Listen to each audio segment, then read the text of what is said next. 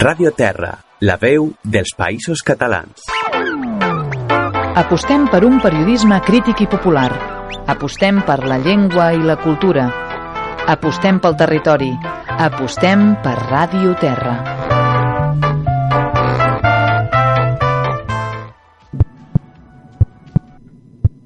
Xoc d'estics amb Artur Àvila.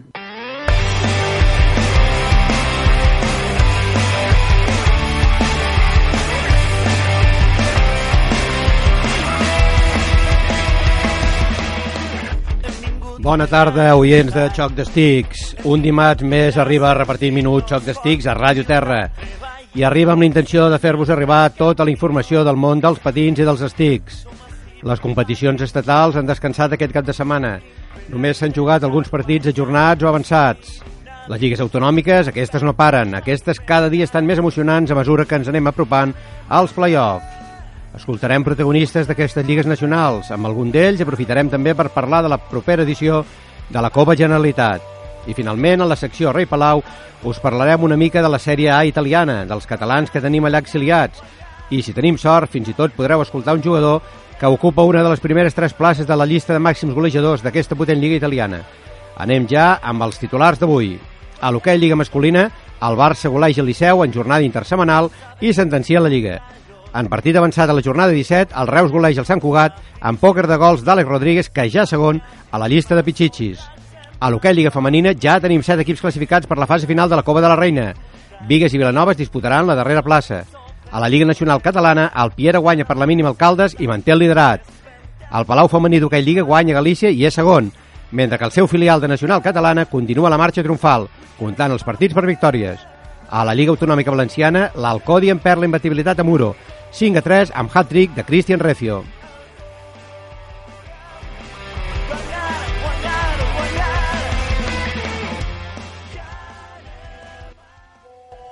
Tarda, sóc en Marc Julià, jugador del Reus Deportiu i m'encanta escoltar el, el programa Xocs d'Estic de Ràdio Terra, sobretot perquè parlem de tots els equips i sempre estem al dia de tot.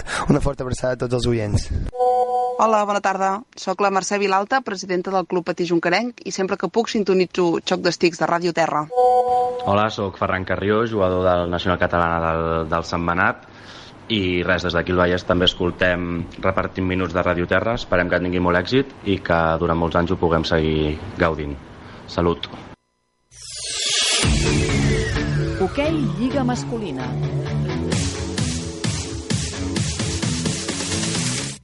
Dimarts passat tancàvem el programa dient-vos que aquell mateix dimarts es disputaven set partits de la jornada 16 que no s'havien jugat el cap de setmana per la disputa de les competicions europees. Els resultats van ser aquests. Voltregà 4, Alcobendas 3, Vendrell 1, Reus 2, Sant Cugat 3, Lleida 1, Vic 0, Igualada 3, Noia 5, Alcoi 1 i Girona 1, Caldes 1. I en el partidàs de la jornada, el Barça, líder, es va desfer del segon classificat Liceu per un contundent 6 a 2. Aquest cap de setmana passat hi havia jornada de descans pels equips de l'Hockey Lliga masculina. Només es va jugar un partit a la jornada 17, el que enfrontava a Reus, l'equip local Reus Deportiu contra el Sant Cugat, i que va finalitzar en victòria local per 10 a 5. De tots aquests partits, eh, destacava evidentment el duel entre els dos grans de l'hoquei estatal, Barça-Liceu. Era una de les darreres oportunitats de l'equip gallec per evitar que els culers no s'escapessin quasi definitivament a la classificació. El partit no va poder començar millor pels visitants, quan el Lluminós marcava que només s'havien transcorregut 34 segons de joc, un dels catalans del Liceu, el Sergi Mires, posava en avantatge el seu equip.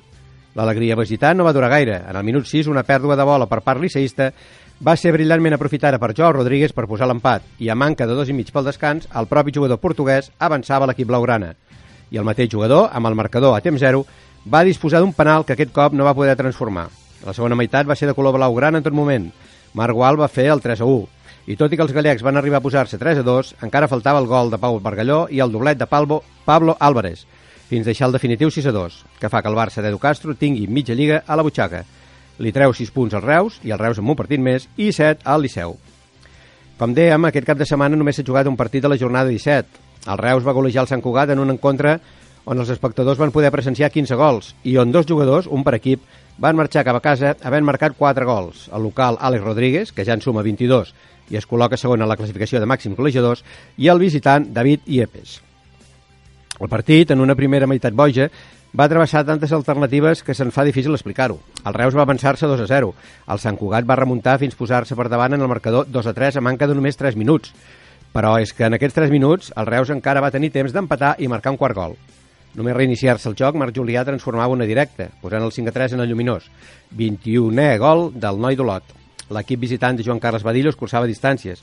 Per a un espectacular, Àlex Rodríguez marcava el seu pòquer de gols en els 18 minuts que restaven. Per tant, partit sense més història, golejada d'un Reus que es mostra molt fora casa i que encara aspira a alguna de les tres competicions en què està viu. La resta de partits de la jornada es disputen avui dimarts i són aquests. Alcoi Girona, Liceu Voltregà, Alcorcón Vendrell, Lloret Vic, Igualada Noia, Caldes Barça, mentre que queda per demà dimecres el Lleida Calafell. Com veieu, l'emoció la tenim més per la part baixa que no pel títol. Per escapar dels quatre llocs de descens tenim un Alcoi penúltim que rep el Girona últim, un Alcobendes amb 14 rep un Vendrell amb 12 i un Lloret amb 15 punts que rep un Vic amb 14. Com dirien els castizos, alt i endemàs, la llista de màxims golejadors l'encapçala pa Pablo Álvarez del Barça amb 24 gols, seguit dels ja esmentats Àlex Rodríguez del Reus amb 22 i del seu company d'equip Marc Julià amb 21. Carlo de Benedetto del Liceu amb 20 intentarà avui a Galícia davant el Voltregà sobrepassar algun dels jugadors que té per davant i que ja han disputat el seu partit. Hoquei Lliga Femenina. L'hoquei Lliga Femenina també tenia jornada de descans, cosa que alguns equips van aprofitar per posar-se al dia d'alguns partits que tenien pendents. Van disputar-se concretament aquests tres partits. Alcorcón 2, les Rozas 4, Gijón 2, les Rozas 2 i Liceu 1, Palau 3. Avui dimarts es juga el Vilanova Manlleu i demà dimecres el Cerdanyola Vigues. Amb la disputa d'aquests partits arribarem al proper cap de setmana en què es disputarà la darrera jornada de la primera volta, amb la qual quedaran decidits definitivament els vuit equips que disputaran la fase final de la Copa de la Reina Reus 2019. Tots els partits en què hi hagi alguna cosa en joc es disputaran en horari unificat, dissabte a les 8 del vespre. També hem d'avançar-vos que set dels equips ja tenen bitllet per la Copa.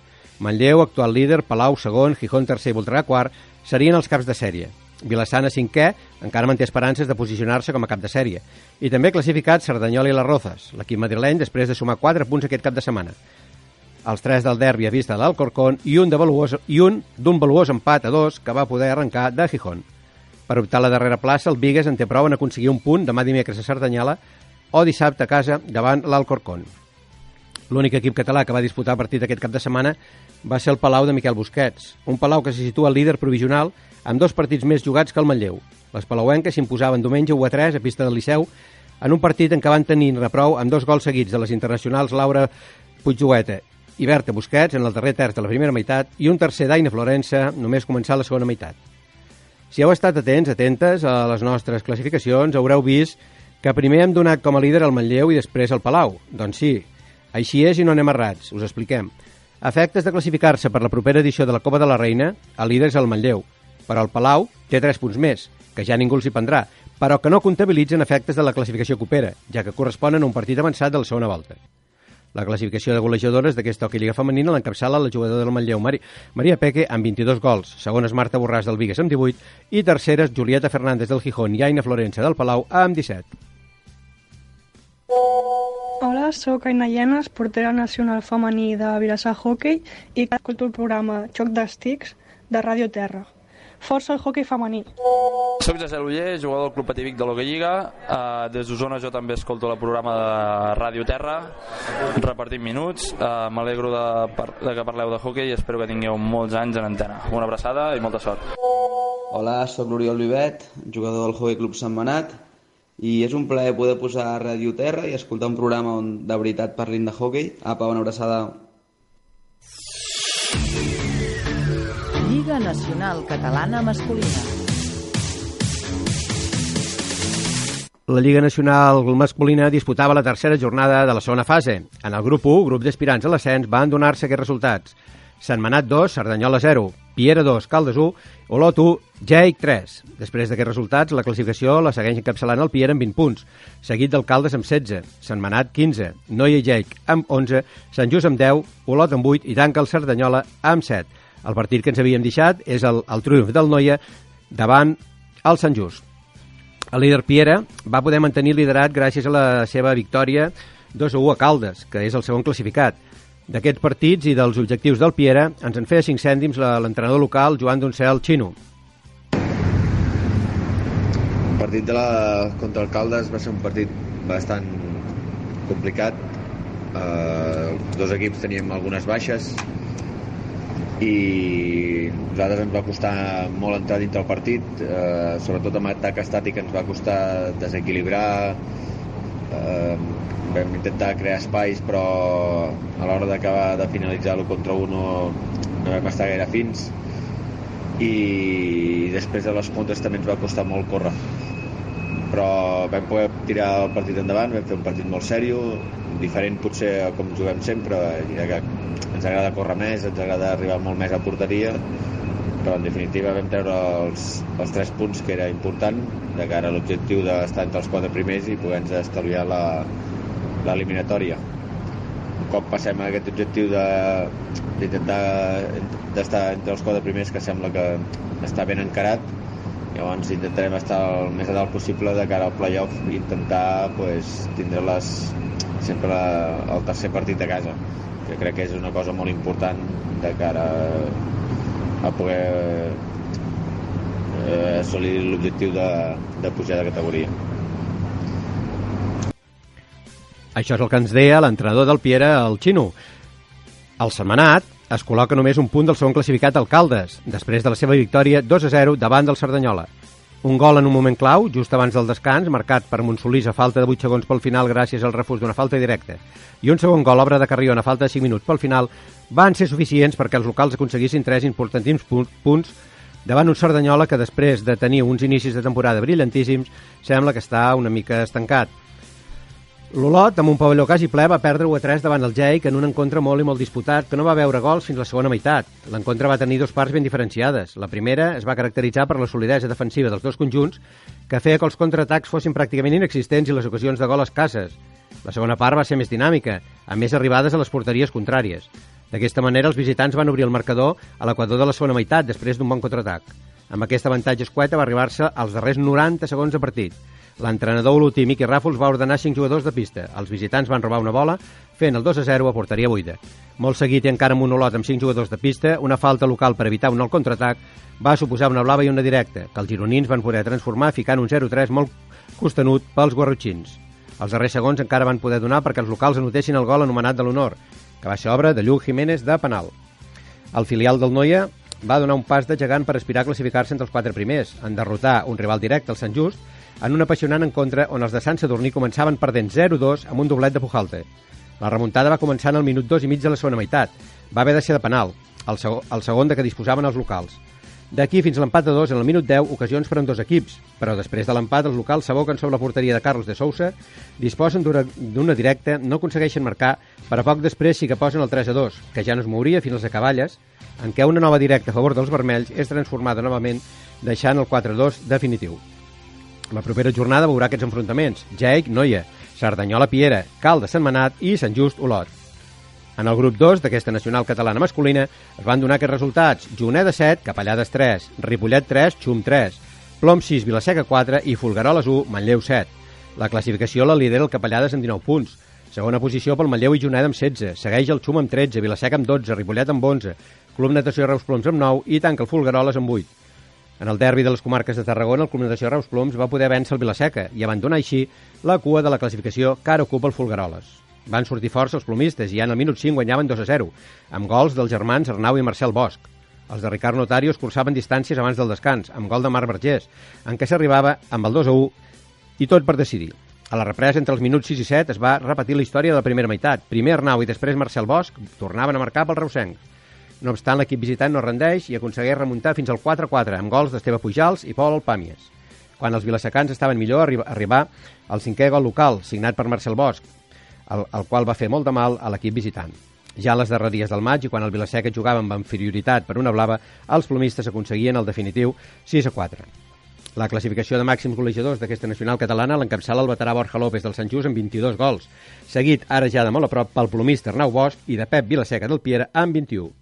La propera jornada tindrà aquests enfrontaments. Vilaseca-Ripollet, Xum, Ploms, Capellades, Fulgaroles i Manlleu-Juneda.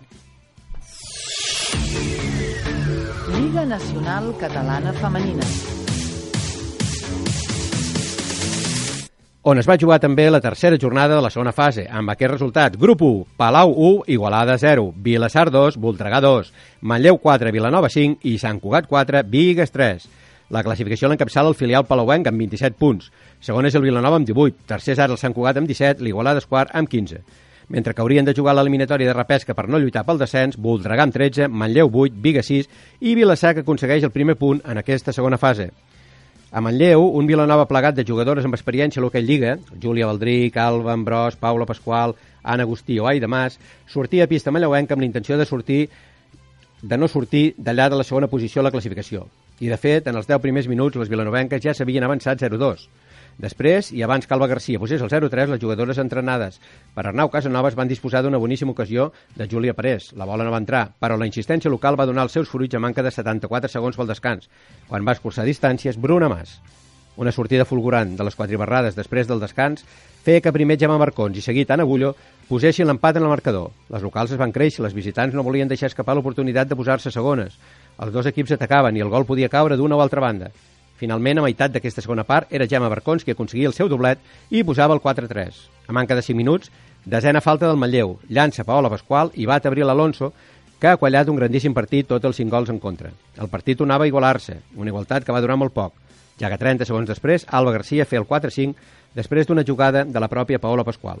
Als darrers 40 segons, el míster local Arnau Casanovas posa 5 jugadors de pista per intentar salvar un punt, i a manca de 7 segons l'ha pogut aconseguir amb una rematada de Gina Muntades que ha aturat la portera vilanovenca. Final 4-5. El Vilassar va aconseguir el seu primer punt d'aquesta segona fase i va fer-ho remuntant un 0-2 del Voltregà en el descans. En una segona part molt ben jugada per les jugadores de Pipo Colomé, aquestes van poder salvar un punt gràcies als gols de Hanna Verdura primer i Anna Espriu de penal després. A Sant Cugat, les locals de Beto Borregant s'imposaven 4-3 al filial del Vigues, sumant així el tercer triomf seguit a l'enquesta segona fase d'aquesta nacional catalana, que li serveix per situar-se en tercer lloc. L'equip Sant Cugatenc, que compta els partits del 2019 per victòries, ha tingut que, que posar-ho tot a la pista. Les de Vigues han pogut igualar el marcador fins a tres vegades. Els gols locals van ser obra de Carlos Herrera, que va fer un hat-trick, i un de Maria Rosa Tamburini, mentre que per les visitants marcaven Ona Aspa i Natàlia Illa, els dos darrers. El partit més interessant d'aquesta jornada, l'imbatut Palau guanyava per un ajustat 1 a 0 a una Igualada que encara aspira a ser segon. Per parlar d'aquest maig, per parlar també de la bona, de la bona temporada de les Igualadines i també de la propera edició de la Copa Generalitat, tenim el telèfon, tenim amb nosaltres el president de l'Igualada, de l'Igualada femení, el senyor Jordi Besa. Eh, bona tarda, Jordi. Hola. Hola, Jordi, bona tarda. Bona, hola, bona tarda. Hola, bona tarda. Dic abans que res, Jordi, presenta'ns una mica el teu club, quan i com el vau fundar, digue'ns si és únicament femení, explica'ns una mica. Mira, doncs eh, el que és l'hoquei patins femení aquí a Igualada existeix des dels anys 90, vale? on un grup de noies van voler jugar a l'hoquei arran dels grans èxits que estava assolint llavors el masculí, Igualada Hoquei Club, llavors es van, van, van fer un equip, van anar a petar el, el que és el, el Club Natació Igualada i van començar a jugar l'any 90, llavors el primer any van quedar terceres, el segon any van quedar segones i el tercer any, el 93, van quedar primeres.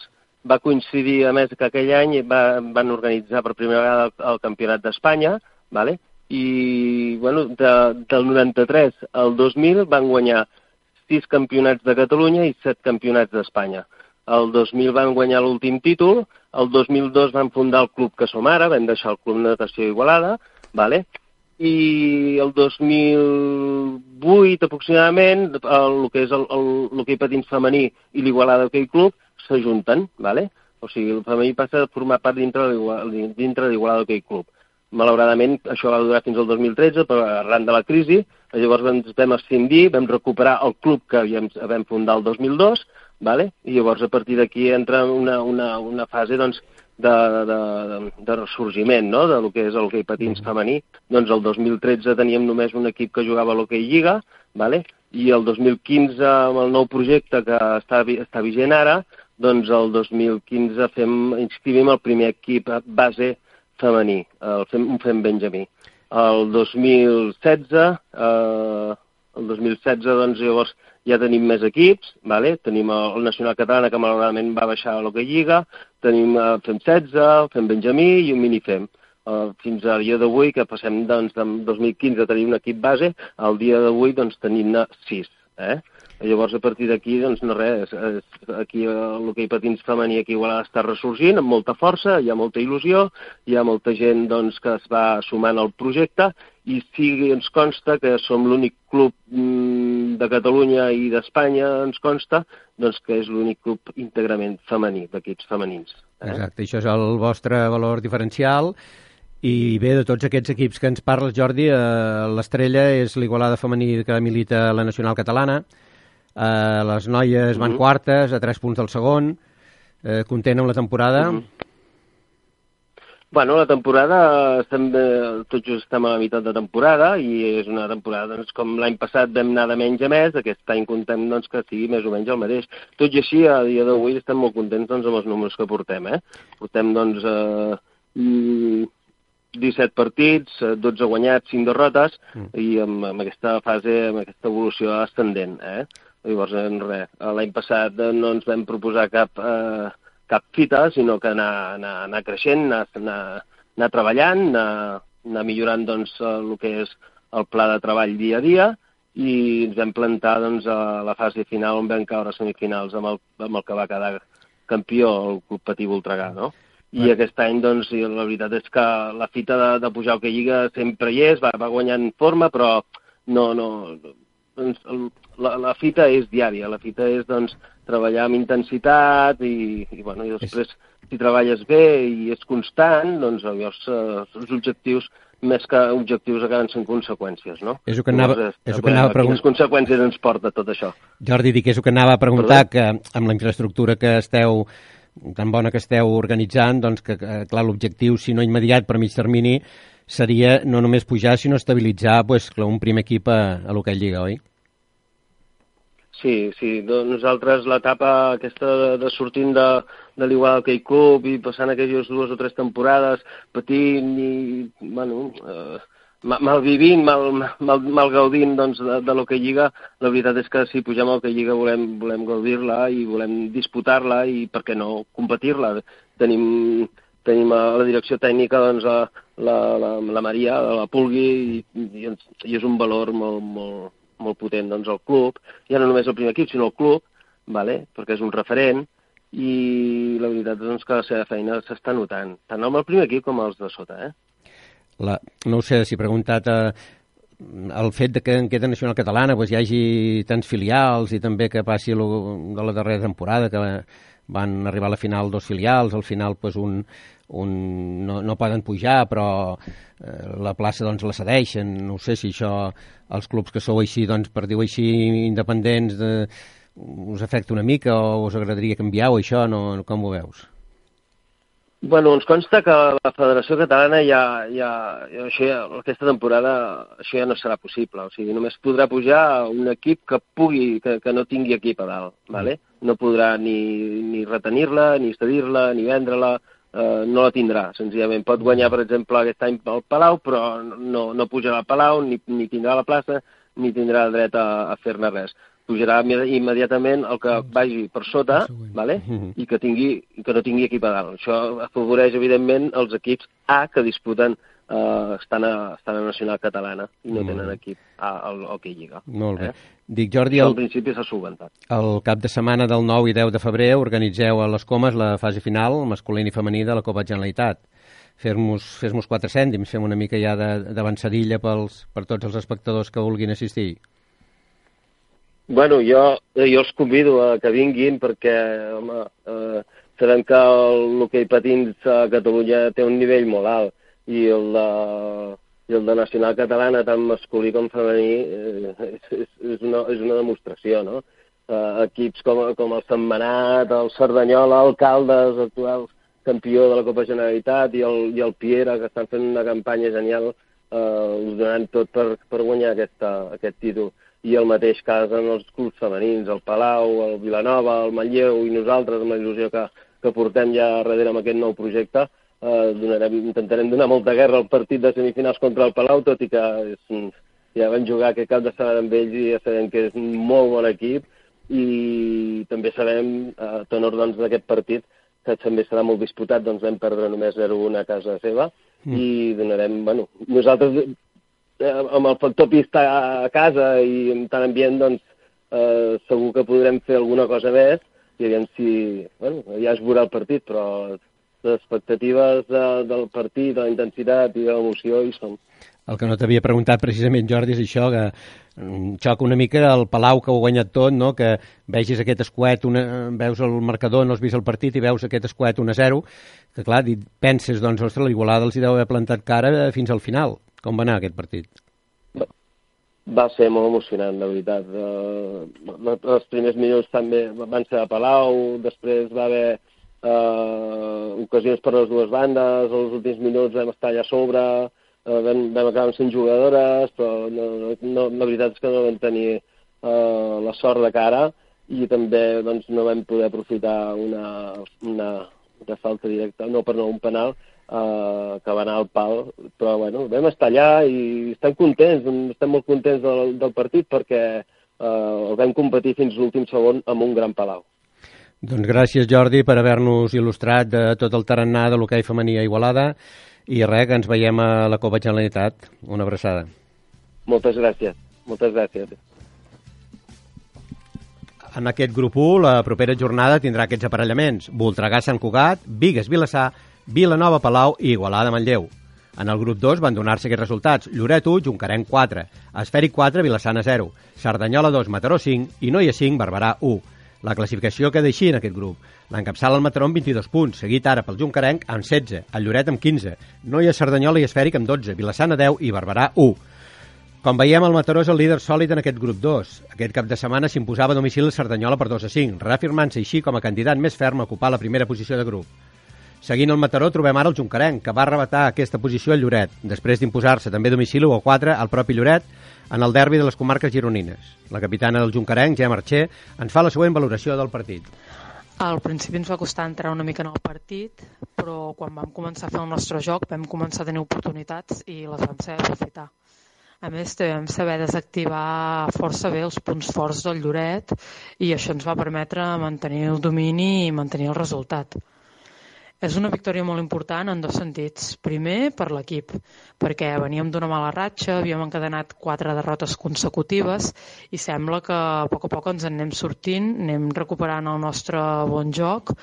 Ja portem dues victòries seguides i això anímicament és super important perquè reforça molt l'equip i d'altra banda també era un, és una victòria important en quant a classificació perquè el Lloret era un dels rivals directes a la part alta, bé, ho continua sent però ara els hi passem a davant ens col·loquem segones és cert que elles tenen un partit menys però també és cert que encara han de venir a casa i els tres punts que vam tenir dissabte ens permeten també agafar una mica d'avantatge respecte del quart i cinquè classificat.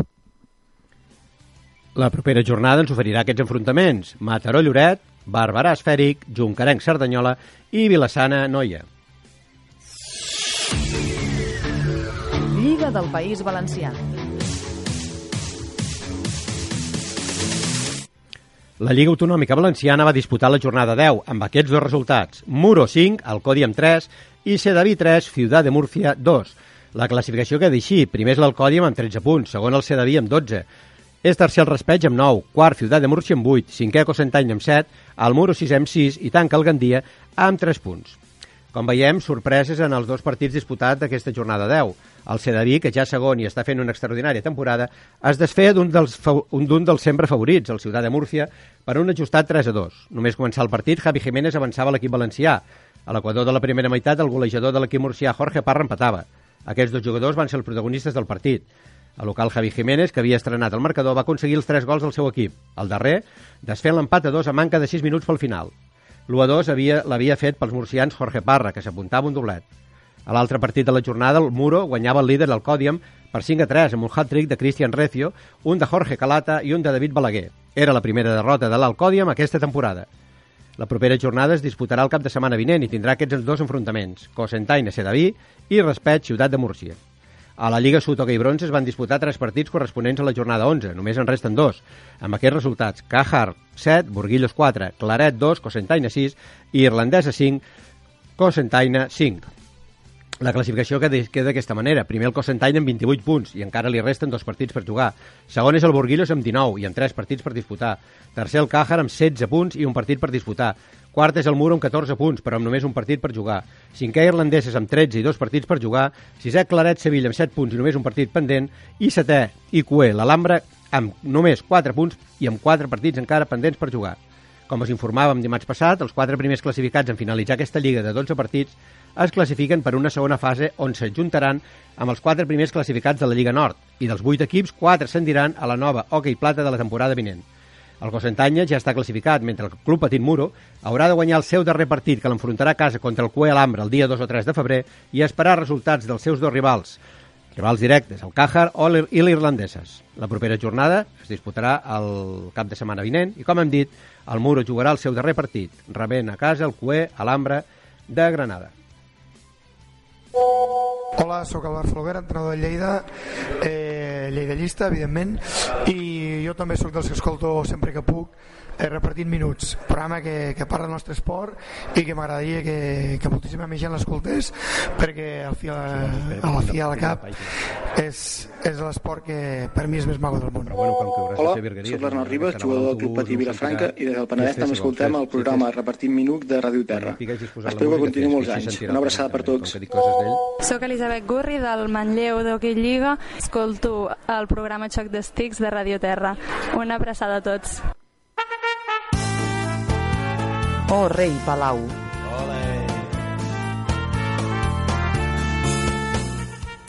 Us parlarem, us parlarem avui a la secció Rei Palau de la sèrie ja italiana i dels jugadors catalans que tenim exiliats en aquesta lliga. Intentarem parlar amb un d'ells, veurem si tenim sort. La sèrie ja italiana és la màxima competició de l'hoquei sobre patins del país italià, una de les competicions més antigues d'aquest esport, i que actualment està formada per 14 equips. Els darrers anys han estat, dominat, ha estat dominada per quatre equips, l'Amatori Lodi, el Forte dei Marmi, el Viarreggio i el Valdagno. Les darreres vuit edicions han estat guanyades per un d'aquests quatre clubs. Aquesta temporada la sèrie italiana porta disputades 16 jornades i la classificació torna a estar dominada pels quatre equips citats, més el Breganze, que és el quart i que també ha tingut el seu protagonisme aquests darrers anys. És líder l'Amatori Lodi, campió de les, dos, de les dues darreres lligues, que encapçala amb 40 punts. Porta 12 victòries, 4 empats i cap derrota, amb 78 gols a favor i 36 en contra. L'Amatori Lodi no té a la seva plantilla cap jugador català, com a molt té un gallec, el Juan Fariza. El segon lloc de la Sèrie A l'ocupa el Forte i Dei Marmi, que les dues darreres temporades ha acabat ocupant també la segona posició. En aquest equip sí que hi juguen catalans, concretament dos. En Jordi Burgaia, exjugador del Vic i l'Oliverense, que porta 13 gols en Lliga aquesta temporada, i el mataroní Martí Casas, que l'any passat tan bona temporada va fer el Noia, on va marcar 20 gols. Si busquem la llista de màxims golejadors de la Sèrie A, trobarem que aquesta està encapçalada per Lucas Martínez del Bragança amb 26 gols, que segon és Claudio López del Sandrigo amb 26, i tercer, el tercer lloc l'ocupa amb 24 gols el català Martí Casas del Forte dei Marmi. El Forte dei Marmi juga avui a tres quarts de nou a pista del Monza. En aquests moments l'expedició de l'equip italià està desplaçant-se amb autobús cap a Monza. Dalt d'aquest autobús viatja el Martí Casas. Creuem els dits a veure si la cobertura és l'adequada i podem parlar una miqueta amb ell i felicitar-lo per la bona temporada que està realitzant. Bona tarda, Martí. Bona tarda. Dic que esteu de viatge ca, cap a Monza, oi? Sí, sí, ara mateix acabem d'arribar a Monza. Molt bé. Una mica abans, perquè aquí està al costat de Milan i hi ha, hi ha molta cua. El trànsit i això. Abans de res volíem felicitar-te per la gran campanya que estàs fent amb el teu nou equip. Moltes gràcies. La veritat és que, que sí, que tot de moment està, tot, està anant tot sobre rodes. Eh, moltes vegades escoltem comentaris o valoracions de lo difícil que és el primer any amb un equip, país diferent, que costa adaptar-se, etc. Però sembla que amb tu això no t'ha afectat gens, perquè primer any a Itàlia, de moment, tercer a la llista de pitxitxis. Sí, la veritat és que aquí on, on hem vingut, tant com, com jo i en Jordi, uh, és un país, ai, és un país, un, és un poble així petit que ens han acollit superbé. Llavors això jo crec que ens ha fet uh, molt més fàcil l'adaptació. a més amb, un, amb una lliga tan diferent com la italiana, on, ta, on hi ha molts equips que, que aspiren a guanyar la lliga. Així que, que bueno, jo crec que gran part de l'èxit és gràcies a la gent aquí, que és, que és molt acollidora. És, un, és una cosa també de les que t'anava a comentar, no? relacionat amb això de l'adaptació. El, el poble doncs, on esteu jugant, el Forte di Marmi, eh, sabem que és un poble de costa, un poblet molt tranquil, bueno, que ens diuen que l'hivern eh, és com a molt tranquil, oi? Sí, sí, sí, aquí l'hivern gairebé, bueno, hi ha la gent que, que aquí a l'estiu es triplica o es quadriplica la gent perquè és un poble, de, de, com diguéssim, com la Costa Brava. Mm. I sí, sí, la gent aquí és superacollidora. Que és un poble així tranquil a l'hivern, uh, pràcticament aquí només hi ha l'hoquei. L'hoquei i, i el marbre, o sigui no, i aquí la gent no, no, té, no té molt per triar. Ara que l'hoquei el deuen viure en passió, suposo. Sí, sí, sí, sobretot ara que aquest any l'equip uh, des de fora, que ens han, per lo que ens comenten, que il·lusiona, il·lusiona moltíssim, sobretot per, per l'hoquei que juguem, molt, molt a l'atac i, i que per l'espectador és atractiu. No? Ara vull parlar un momentet dels tres, de les tres competicions en què encara esteu immersos. Bueno, dir que el teu equip, pel qui no ho sàpiguen, va quedar subcampió de la Sèrie A les dues darreres temporades, que aquest any pues, ha fet un esforç per arrebatar-li el campionat a l'amator i l'Odi, fent, els, fent fitxatges, especialment el teu, i que, bueno, de moment el teniu a 4 punts, el teniu, sus, diguem, entre cometes, sus escapa a 4 punts, però, bueno, que encara podeu lluitar i pel títol del campionat, no? Sí, a diferència d'aquí d'aquí a la Lliga, de l'Hockey Lliga, que aquí hi ha play-off. O sigui, realment sí que és important acabar primer de grup per al, per al, el tema de, del factor, el factor camp a l'hora dels play-offs, però la veritat és que tu jugues tot amb un, amb un mes, diguéssim, de competició. O sigui que, sí que la veritat és que el Lodi està molt fort actualment, té un, té un bloc molt, molt compacte i, i no perd ningú partit. Nosaltres que tenim un equip així que s'acaba de formar, que hem fet algun partit que no, no, no, havia, no, no era el, el correcte, diguéssim, però, però és això, cada cop anem creixent més i, i aquest equip aspira a tot. Molt bé, una de les altres competicions, la Copa, la, se juga a principis de març. Vosaltres heu quedat aparellats en el primer partit amb el Villarregio, on hi juga també el Jepi Selva, que també està inspirat i porta també 22 gols. També difícil, no? Mm -hmm. Sí, a més, perquè aquí és com el, és, com el derbi. O sigui, la rivalitat més forta que hi ha aquí a Itàlia és el, el Forte Viareggio. Veus? I això li, li suma un extra, diguéssim, en aquests quarts de final que, que no serà gens fàcil jugar un equip com, a, com el Viareggio que, que té jugadors de la talla com en Gepi o en Ventura. Ah, la veritat és que serà, serà difícil. També veiem que a la Lliga Europea aneu segons, aneu, us avança l'Sporting de Lisboa, eh, que queden ja poquets partits, clar, tot això a un se li posa la boca aigua, no? El que ens agrada l'esport, pensar ara, posar-se a la pell de, a la pell del Martí Casas, a la pell de, de, dels seus companys, pensar, tenim la Lliga, que, que ens espera el playoff, tenim la Copa, amb aquest, el que acabes de dir, el derbi, tenim encara aquests partits que resten de la, per poder classificar per la final fort, no sé, com una cosa que, que, que, que et dona un, una pujadeta d'emoció, de, de, no?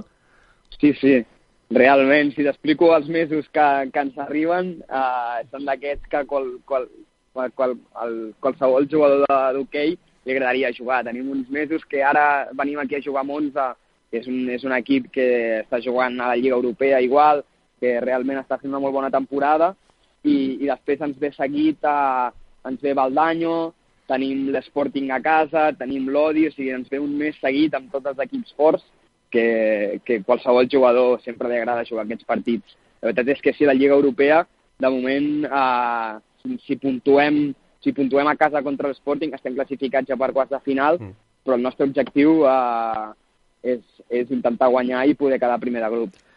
I, escolta, eh, eh, parlant doncs, amb gent o amb jugadors o amb entrenadors que, que heu estat o esteu per Itàlia o, doncs, o, o gent que hi entén una mica més que nosaltres, eh, bueno, sempre hi ha les avantatges, inconvenients de jugar a Itàlia. Alguns pues, ens diuen d'inconvenients que potser no es treballa tant la tàctica, els altres ens diuen que, viu, que es viu tot amb més passió. Eh, la primera valoració teva, eh, què t'assembla? Diries que sí, que la Lliga Italiana ja se viu amb més passió? Sí, jo crec, sí, sobretot a nivell d'expectació. Uh, pel que veig, comparat amb la amb l'Hockey Lliga, uh, hi ha molta més gent als pavellons, uh, hi ha molta més, diguéssim, empenta a través de les empreses mm. per patrocinar. Això és, jo crec que és la diferència que ens falta una mica a la, a la nostra lliga aquí, no? que no hi ha moltes empreses que estiguin darrere darrere pujant al, al, a l'hoquei.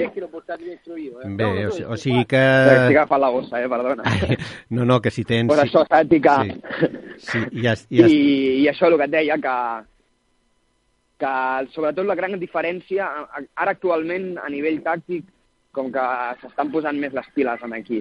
La veritat és que s'està treballant molt bé i, i això és el que et dic, tenen la sort que hi ha molta gent, moltes empreses que aposten per l'hoquei. I realment això s'està veient aquests últims anys que la lliga italiana està creixent molt. És el que, és el que diem, que sembla que la italiana i la portuguesa doncs, ja ens estan passant i a veure doncs, si, si aquí a Catalunya doncs, s'enmirallem i, i, a veure, i podem tornar doncs, a recuperar jugadors i a ser, doncs, a ser els, sí. els, els, els caps davanters. Sí, jo crec que la proposta, la proposta aquesta que han fet de l'any que ve fer el playoff jo crec que donarà una empenta, sobretot ara també s'ha posat TV3 a darrere, que està retransmitint els partits, crec que s'ha de tornar, diguéssim, una mica la il·lusió de, de que la gent torni a veure els partits en directe, perquè uh, tothom que ens agrada l'hoquei tots coincidim el mateix, que no té res a veure un partit per la televisió que en directe. Exacte. Jo crec que això és el que, el que acaba de faltar. Doncs... Però, bueno, que esperem que sigui així, perquè realment el potencial amb jugadors i amb tot i ho tenim. I no, l'únic que ens falta és aquesta, aquesta última empenta. Exacte, a veure si ho aconseguim. Dic, doncs res més, Martí, que et deixem entrar ja cap al pavelló, que vagis eh, concentrat. Eh, gràcies per la teva amabilitat i et desitgem la millor de les sorts en les tres competicions que disputes en guany amb el teu nou equip. Seguirem els teus passos i a veure si et podem tornar a entrevistar el dia que guanyis un dels tres títols, no? Esperem, esperem que sigui així. Pues Moltes gràcies a vosaltres. Una, una abraçada forta. Gràcies. Igualment. Adéu, adéu. Us hem donat els resultats i classificacions de les principals competicions de l'hoquei dels pisos catalans. Hem entrevistat el president de l'Igualada femení, hem escoltat opinions d'entrenadors i jugadores i finalment us hem transportat a Itàlia a un autobús recent arribat a Monza, a l'autobús del Forte i Marmi, on el català Martí Casas ens ha explicat la seva primera experiència en una lliga tan competitiva com és la sèrie italiana. L'hoquei continua. Avui i demà es disputen partits de l'hoquei lliga masculina i de l'hoquei lliga femenina. Al cap de setmana es juga, es juga una nova jornada a totes les competicions. La bola segueix rodant i nosaltres a Xoc d'Estics us ho continuarem explicant. S'acomiaden de tots vosaltres l'Albert Sales a Control i qui us parla l'Artur Àvila. Que tingueu una bona setmana. Ens retrobem dimarts vinent a les 6 de la tarda aquí, a la vostra emissora Ràdio Terra.